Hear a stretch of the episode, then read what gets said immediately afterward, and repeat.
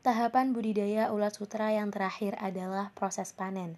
Setelah proses pemeliharaan ulat sutra berakhir, ulat sutra dapat dipanen. Ketika dipanen, ulat sutra harus sudah berumur 7 sampai 8 hari.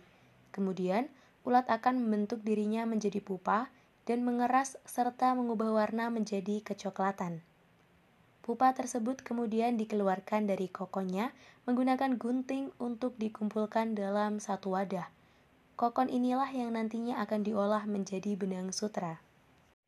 Tahapan budidaya ulat sutra yang terakhir adalah proses panen. Setelah proses pemeliharaan ulat sutra berakhir, ulat sutra dapat dipanen. Ketika dipanen, ulat sutra harus sudah berumur 7 sampai 8 hari. Kemudian, ulat akan membentuk dirinya menjadi pupa dan mengeras serta mengubah warna menjadi kecoklatan.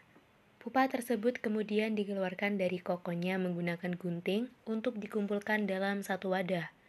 Kokon inilah yang nantinya akan diolah menjadi benang sutra.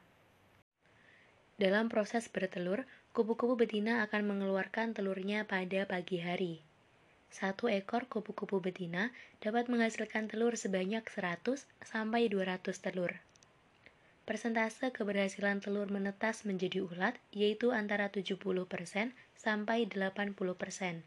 Akan tetapi, tergantung juga dengan faktor suhu yang ada di tempat penetasan.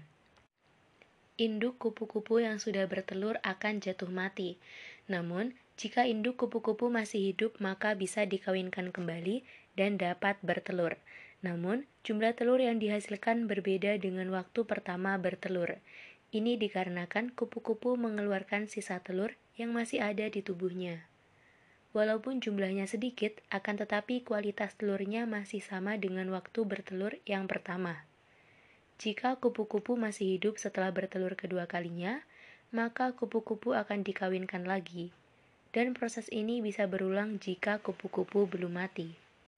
Ngengat sutra adalah serangga dari kelas Bombicidae, Disebut ngengat sutra karena hewan ini menjadi penghasil sutra orisinal yang memiliki nilai ekonomis tinggi. Ngengat sutra pada dasarnya tidak berbeda dengan ngengat spesies lainnya. Tubuhnya berbentuk panjang dan gemuk dengan diselubungi bulu tebal berwarna putih kecoklatan. Di bagian punggung terdapat sepasang sayap lebar yang panjangnya bisa mencapai 6 cm. Pada bagian kepalanya terdapat sepasang antena yang berbentuk menyerupai bulu unggas.